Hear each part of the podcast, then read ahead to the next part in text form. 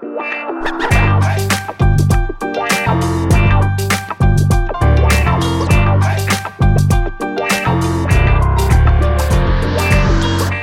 welkom bij een nieuwe aflevering van een podcast over voeding. In deze podcastserie gaan we in op de wetenschap achter voeding en laten we wetenschappers aan het woord over allerlei thema's die met voeding te maken hebben.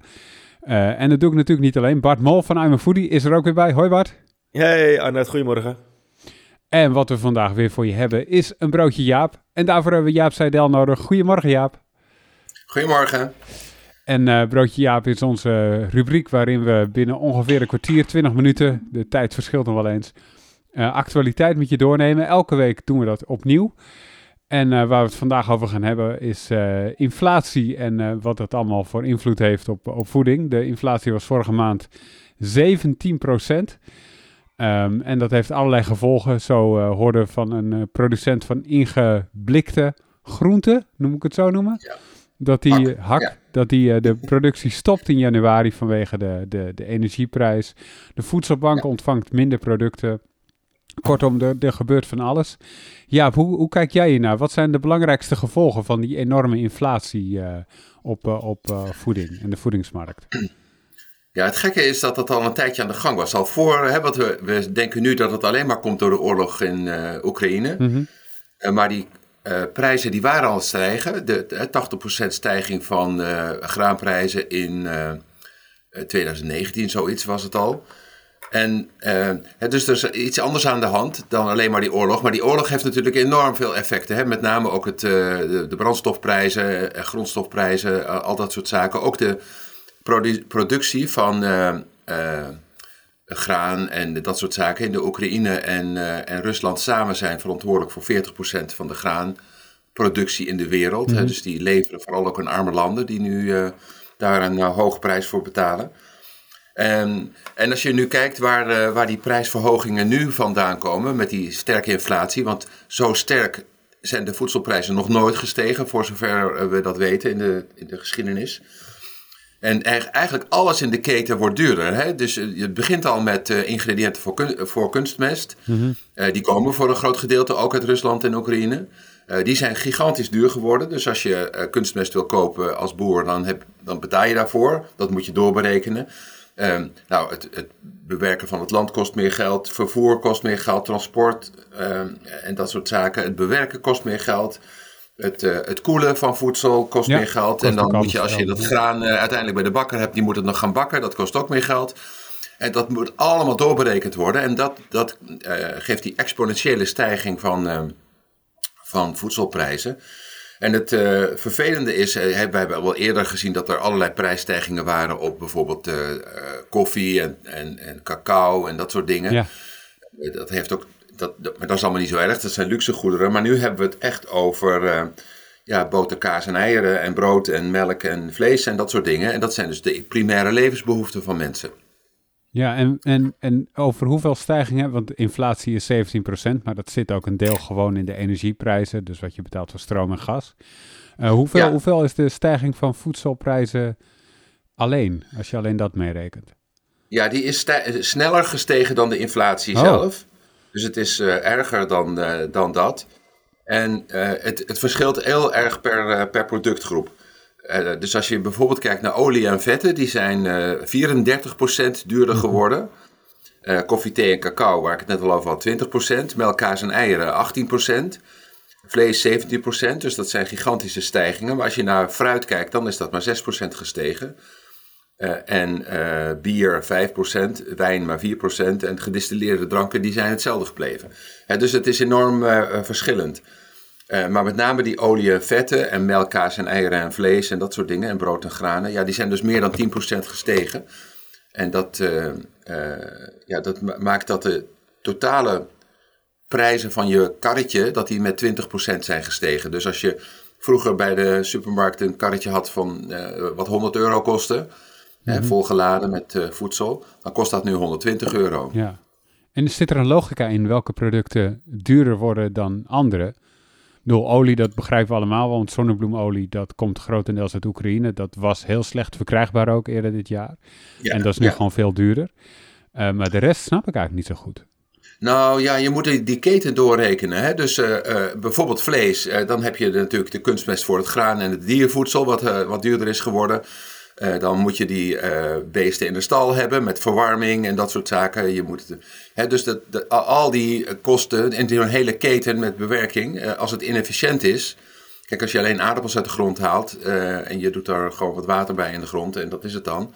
Maar bij vlees heb je natuurlijk een hele keten van allemaal dingen. Vanaf het produceren van kunstmest voor diervoedsel en, enzovoort. En dan, ja, dan wordt zo'n uh, krijg je een multiplicatie als het ware, hè? een soort vermenigvuldiging van, uh, van kosten. Mhm. En dat maakt dat vlees dus en melk en kaas en dat, dat soort dingen ook heel erg duur zijn. Dus de boer krijgt nu twee keer zoveel uh, voor zijn melk als twee jaar geleden. Maar kan dan nog steeds de kosten niet betalen ja. van de verwarming en dat, dat soort zaken en het veevoer. En heeft dit ook, um, want we hebben het hier al eens eerder over gehad, maar nu het, nu het steeds meer wordt, is het misschien de moeite waard om die vraag opnieuw te stellen. Heeft dit gevolgen voor, uh, voor onze voedselkeuzes? Want ik kan me voorstellen dat als vlees veel duurder wordt, maar fruit niet, dat mensen eerder wat meer fruit in hun mandje leggen dan vlees. Ja, dat is niet zo makkelijk inwisselbaar natuurlijk. Nou, nou ja, ten eerste gaat het een beetje over, moet je die keuze maken? Nou, voor, voor mensen met een heel hoog inkomen, twee keer modaal of zoiets dergelijks, maakt het allemaal niet zo heel veel uit. Hè? Je, je spaart wat minder of je doet wat... Eh, nou ja. Maar eh, er is natuurlijk een groot deel van de mensen die op een AOW-uitkering of een minimumloon of eh, dat soort dingen zitten. En die besteden nu al hun inkomen aan uh, brandstof, verwarming en huisvesting en voedsel. En ja, als je dan meer moet uitgeven, moet er van iets anders iets af. Hè? Dan moet of de verwarming lager of wat, wat dan ook. Dus wat je ook al ziet is dat uh, uh, mensen bijvoorbeeld die op gas koken, minder nu dingen gaan warm maken, want dat kost weer extra geld. Mm. Uh, en zo beïnvloedt dat dus ook keuzes. Maar wat je natuurlijk in eerste instantie ziet, is dat mensen naar de goedkopere soorten gaan. Je gaat van A-merk naar huismerk. Je gaat van de dure biefstuk naar gekookt vlees. Je gaat naar, weet je, dus je kunt, je, het is moeilijk natuurlijk om vlees gaan, te gaan uitruilen tegen appel, een appel. Hè? Een biefstuk tegen een appel, dat is, het klinkt wel leuk, maar dat is natuurlijk, zo gebeurt het niet. Je kijkt eerst binnen de marges uh, van die productgroepen, van waar, waar kan ik, hè, van een, uh, waar kan ik het goedkoper krijgen. Ja. En meestal is dan uh, die inferieure, uh, de, de goedkopere keuzes zijn vaak inferieur qua voedingswaarde. En uh, ja, dat, dat zijn allemaal ehm, gevolgen die je natuurlijk ziet. Maar wat je ook al ziet is dat bij mensen met een laag inkomen, gezinnen met een laag inkomen, dat daar eh, gewoon echt heel veel minder gegeten wordt. Je hebt in Amerika en in Engeland nu ook alweer heel veel sprake van widespread hunger. Dus heel veel mensen die honger hebben, die ook gewoon echt niet rond kunnen komen en te weinig eten en onder voet raken. En dat is natuurlijk iets wat wij in Nederland minder hebben, want we hebben iets meer demping op die inkomens en zo, en er is wat meer steun. Maar uh, je ziet wel degelijk dat uh, gezinnen met veel kinderen en een laag inkomen, dat die nu echt gaan voor uh, ja, het goedkoopste voedsel wat je kunt kopen. Hè, dan is het meer vullen dan voeden. En wat heeft op, de, dit moment de regering voor instrumenten waarmee ze kunnen spelen om bijvoorbeeld die uh, voedselprijzen te kunnen dempen? Hebben ze überhaupt iets van een instrument? Want eerder was al natuurlijk nou, gesproken geen, over de uh, B2 op groente en fruit. Hè, dat ze dat van 9% naar 0% wilden zetten. Nou, ja, toen was het allemaal technisch niet mogelijk. Maar als ik nu al deze ja. prijsstijgingen hoor, denk ik van ja, we kunnen het wel weer gaan dalen. Maar dan zitten we per saldo alsnog hoger dan waar we vorig jaar zaten. Ja, om, om, omhoog kan altijd makkelijker dan omlaag, heb ik het idee bij de overheid. Maar uh, dat, dat is in dit geval uh, wel lastig, hè? want het, ja, je moet het eigenlijk indirect doen. Dus je moet in die keten, zeg maar, wat, wat verhoogt die, uh, daarom heb ik dat een beetje uitgelegd. Hè? Dus de, de, de prijs voor kunstmest en vervoer en transport en verwarming en bewerking en al dat soort dingen. Ja, dus die energieprijzen, dat zijn de belangrijkste oorzaken van die stijgende voedselprijzen. Dus een kap op, de, op die, hè, wat we van plan zijn om te, te gaan doen op die energieprijzen, dat gaat wel helpen. Um, maar dan is het nog de vraag of de producent en de verkoper, de retail enzovoort, dat allemaal wel doorberekenen ook uh, aan de klant. En wat je zag ook al dat uh, in heel veel landen benzine veel goedkoper is dan in Nederland. Inmiddels is dat wat bijgetrokken, maar in ieder geval dat uh, zodra de olieprijs weer omlaag gaat, de benzineprijs weer hetzelfde blijft nog even hoog. Hè? Die wordt niet, uh, dat wordt ja. niet meteen gecorrigeerd. Dus dat zal bij voedsel ook zo zijn. Hè? Voordat je zeg maar in die keten ervoor zorgt dat kunstmest wat goedkoper of makkelijker te krijgen is, voordat, dat, voordat de consument dat merkt in zijn winkelmandje, ben je natuurlijk een hele het verder. En, en... Maar, het, maar het grootste probleem is eigenlijk dat, uh, vind ik zelf, hè, dat die basislevensbehoeften, waar je dus al, in, al je nutriënten voor moet krijgen. Hè, dus we hadden het over, over uh, vetten en eieren en, en melk en vlees. Hè, dus de grote eiwitbronnen de gro en, en, verse groenten en bonen en dat soort dingen. Waar je je eiwitten en je vitamines en mineralen uit kan komen. Als je die gaat vervangen door, nou ja, ik noem het maar inferieur gemaksvoedsel, witte rijst en... Mm Ehm, en dat, dat, dat soort eh, zaken, dan, ehm, en, en het goedkoopste brood en het goedkoopste vlees enzovoort, dan heb je natuurlijk best problemen dat ehm, eh, er voedingsstoffen tekorten gaan ontstaan. En wij kunnen daar als volwassenen wel heel goed tegen, denk ik. Maar vooral jonge kinderen, en die in de groei zijn, en die, eh, ja, daarvan zul je meer effecten merken. En je ziet in sommige landen ook al dat ze daarom in Engeland bijvoorbeeld, hè, de schoollunches gratis maken. En dat is dan nog de enige gezonde maaltijd die kinderen daar hebben in heel veel gezinnen uh, per dag. En uh, dat ook in Nederland, uh, daar hadden we het al over de vorige keer in die beschouwingen, dat er ook al gezegd wordt, misschien moeten we ook schoolmaaltijden in Nederland gaan invoeren. Ehm, vooral voor kwetsbare gezinnen. In Amsterdam was dat al zo en nu willen ze dat waarschijnlijk ook in het land. Maar de vraag is of dat voldoende gaat helpen. Maar hè, want die hele logistiek die is er niet. En er zal enorm gebakkeleid worden, net zoals bij die groente over wat is dat dan, een gezonde schoolmaaltijd. Uh, en wie moet dat dan betalen en hoe moeten we dat dan doen? En uh, is dat niet. ik, ik had daar een, een, post over geplaatst en dan krijg je meteen weer van: is dit een pleidooi om de kinderen nog verder uit van, van hun ouders te verwijderen en in, onder het toezicht van de staat te zetten en zo?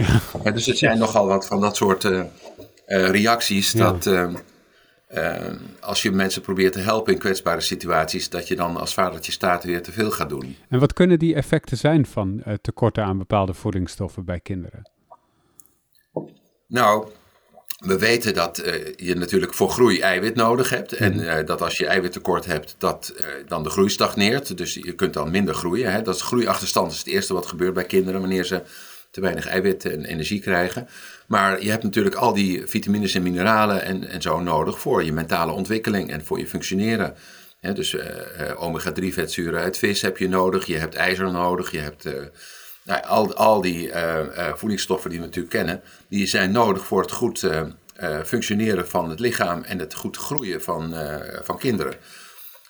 dus als je minder groente eet, als je zwanger bent en, en een kind krijgt, dan krijg je minder foliumzuur binnen. En als je te weinig foliumzuur binnenkrijgt, dan kan een kind een open ruggetje krijgen dat geboren wordt. En dan heb je problemen wanneer uh, dat kind opgroeit natuurlijk, want dat gaat nooit meer over. Hè? Dus er zijn kritische periodes waarin we eigenlijk moeten zeggen, dan is het speciaal belangrijk dat we er goed op letten dat uh, kinderen voldoende voedingsstoffen binnenkrijgen, omdat de effecten daarvan blijvend zijn.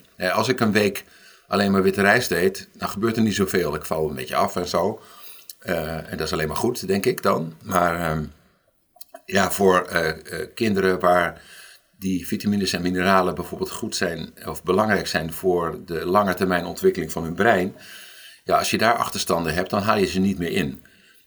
dus ik denk dat dit vooral een, een zaak is waarbij de overheid goed moet letten op wat zijn de kwetsbare groepen. Hè? Dat, dat hebben we natuurlijk eerder ook gehad met moeilijke voedselsituaties, hè, dat, dat, voedsel op de bon mhm. moet of zo. En dan moet je dus nadenken, wat hebben zwangeren nodig, wat hebben ouderen vandaag nodig, die een AOW hebben en die, die al heel moeilijk rond kunnen komen. dus die, die kwetsbare groepen moet je het eerst beschermen. En ja, dan, dan helpt zo'n voedselbank natuurlijk, daar is een voedselbank voor. En je zei eigenlijk al, voedselbanken krijgen minder ja. voedsel toegeleverd. Maar er zijn heel veel meer mensen die nu naar de voedselbank moeten. Uh, en wat kun je het makkelijkst in de voedselbank opstapelen? Dat zijn allemaal uh, uh, ultra bewerkt voedsel, wat goed houdbaar is. En allerlei verse groentes bewaren in een koeling en dat soort dingen. Dat kost natuurlijk ook een hoop weer energie, maar is ook niet goed uit te delen. Ja. Dus dan heb je het al snel over pakken rijst en pakken pasta als het gaat om basale levensmiddelen en voor de rest ultra bewerkt voedsel. Ja. ja, ja, ja. En dat weten we al, hè, dat, uit het uh, aanbod van voedselbanken, dat dat uh, over het algemeen ongezond is, omdat het vrijwillig gedoneerd wordt en goed moet blijven, eigenlijk voor langere tijd, of het grootste merendeel. Um, dus ja, er zijn best wel heel veel zorgen. En ik denk dat de overheid daar nu echt op een hele korte termijn beslissingen over moet nemen. Want het is nu, ja, het loopt eigenlijk spuigaten uit. En de verwachting is niet van en nou, als die energiekap erop zit, dan gaan die voedselprijzen weer omlaag. De, de voorspellingen zijn dat die voedselprijzen zo hoog blijven. Ja. En ook als eh, de oorlog afgelopen is, bijvoorbeeld, waarschijnlijk ook die voedselprijzen zo hoog blijven, omdat ze ook al erg aan het stijgen waren voor de, voor de uh, oorlog in de Oekraïne. Uh, dus we moeten ons wel rekening, moeten rekening houden met het feit dat misschien wel uh, voedsel gewoon blijvend duurder is. Want het was ook eigenlijk abnormaal goedkoop. Hè? Dus als je kijkt in de jaren 60 uh, gaven we nog een derde uit van ons inkomen aan voedsel. Uh, een tijdje geleden was dat nog 20 procent, 15 jaar geleden ongeveer. En nu is het, het was gedaald tot ongeveer 11 procent. Dat is nu weer gestegen tot 12, 13 procent. -hmm. Maar uh, dat is nog steeds heel erg goedkoop in historisch perspectief. En dat kan alleen maar doordat we die voedselproductie zo ontzettend efficiënt, hè, dus overal op goedkope plekken van alles laten produceren. En ja, energie kostte niks, dus uh, dat, dat kon allemaal wel. Uh, en dat dat systeem van hele lage voedselprijzen, dat is alleen in stand gehouden door, door, doordat je aan, aan dierenwelzijn geen aandacht besteedt, aan mensenrechten niet, aan allerlei omstandigheden rondom productie, het uitwonen van de bodem.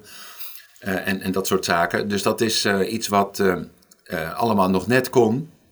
Maar dat, kun, dat is natuurlijk niet houdbaar op de langere termijn.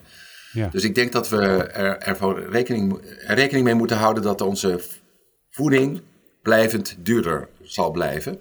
En dat we dus ook maatregelen moeten hebben en moeten zorgen dat niet zoals de afgelopen 50 jaar gebeurd is, alleen maar het gezonde voedsel steeds duurder werd, of vooral heel veel duurder werd.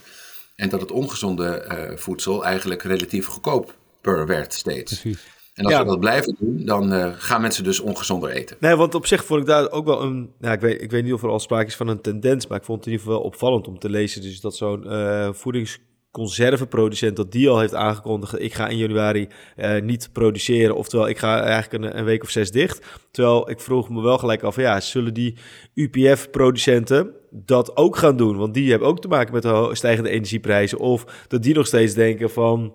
we pompen de, de, de markt vol met producten. Uh, die prijsstijging ja. die zullen ze misschien minder snel doorvoeren... Uh, ja, of daar dus straks inderdaad een grotere splitsing komt. Want ja, het is best wel frustrerend als we straks de voorraden van de groente- en fruitconserven, uh, als dat er niet meer is, versus een overvolschap met de UPF-producten. Uh, ja, en dat is, nou ja, kijk, die Nederlandse groente-conservenfabrieken en ook de productie van groente en fruit, dat kost natuurlijk heel veel energie, zeker in de winter. Dus dat, dat moet je even stopzetten als daar de kosten uh, vanuit de pan reizen. Maar kijk, de meeste fabrikanten van, van Snickers en dat soort dingen, die zitten natuurlijk heel, ergens anders. Die zitten in Amerika. In Amerika heb je veel minder last van die oorlog. Ze hebben hun eigen gas en hun eigen uh, olie en dat soort dingen. Ze exporteren zelfs heel erg veel. Uh, dus daar zul je minder van merken. En uh, ja, wat chocoladefabrikanten natuurlijk doen, die hebben al een tekort aan cacao. Hè. De cacaoprijzen gingen al heel erg snel omhoog en die blijven waarschijnlijk stijgen, omdat ja, vanwege verdroging, misoogsten en allerlei ellende in Afrika ook die cacaoproductie onder druk staat. Maar dat is niet zo erg, weet je. Die berekenen dat gewoon door. Dus de Snickers die, die, die, uh, ja, die wordt gewoon uh, duurder. Hè, chocolade wordt duurder, mensen kopen het toch wel.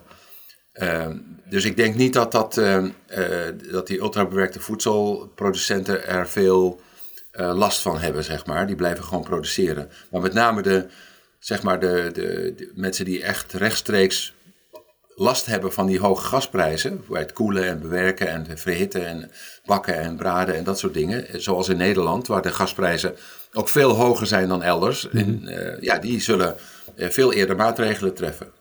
Hey uh, Jaap, um, het, het, is een heel donker scenario wat je schetst. Mm. Maar ik wil mensen toch niet met zo'n negatief gevoel deze podcast nee, laten nee, eindigen. Nee. Dus heb je nog een lichtpuntje, iets waarvan je denkt van nou, dat kan hieruit komen wat wel heel positief is? Nou ja, kijk, ja, ik, ik denk het, het besef dat zo'n voedselsysteem dat we in elkaar geknutseld hebben, dat dat uitermate kwetsbaar is en vooral heel erg gunstig voor voor de voedingsindustrie die daar minder last van heeft. Ik denk dat dat een belangrijk signaal is en dat de overheid nu meer gaat kijken hoe kunnen we structureel die dingen gaan verbeteren en hoe kunnen we er ook voor zorgen dat mensen en net zoals dat het noodzakelijk was om een voedingsraad op te richten na de Tweede Wereldoorlog, toen mensen dachten van ja, we hebben er eigenlijk nooit bij stilgestaan hoe dat zit als we, voedsel schaars wordt enzovoorts. Dat we daar nu uh, rekening mee moeten houden. En dat een thema zoals voedselzekerheid voor arme gezinnen, dat dat een thema wordt in de politiek. En dat we dat dus nu gaan regelen. Terwijl daarvoor eigenlijk altijd het idee was van, nou, dat regelen ze allemaal zelf wel. En, um, uh, dus ik denk dat er meer besef is dat er veel kwetsbare mensen zijn. En veel kwetsbare gezinnen en kinderen en ouderen. Uh, waarbij de overheid eigenlijk goed moet nadenken: hoe zit eigenlijk dat voedselsysteem in elkaar en hoe kunnen we ervoor zorgen dat iedereen in ieder geval gegarandeerd ook zijn, in zijn eerste levensbehoeften kan kunnen voorzien. Uh, en dat is, ik denk ik, het, het, lichtpuntje. Er wordt nu echt heel veel meer over gedebatteerd in de Tweede Kamer dan ooit tevoren. Uh, dat komt door de urgentie, maar dat betekent wel dat ze wakker geschud zijn en dat je dus nu moet na gaan nadenken over hoe gaan we het beter doen. Ja, duidelijk. Sterker uit de crisis. hey Bart, heb jij tot slot van deze aflevering nog dingen vanuit I'm a Foodie die je even wil noemen? Vriendvandeshow.nl slash pof. Yes. Als je, dat, uh, als je naar die link gaat, dan kun je ons steunen. Kunnen we nog meer uh, mooie shows maken die nog beter zijn. Uh, dat is dus vriendvandeshow.nl slash POV. wil ik ook nog even zeggen dat als je deze podcast leuk vindt, geef ons een recensie en sterretjes in je favoriete podcast app. Dat helpt anderen ook om ons te vinden en dan luisteren nog meer mensen deze mooie shows. Jaap, dankjewel voor vandaag. Heel graag gedaan. En Bart, dankjewel. Yes. Jij bedankt voor het luisteren en tot volgende week. Hoi hoi.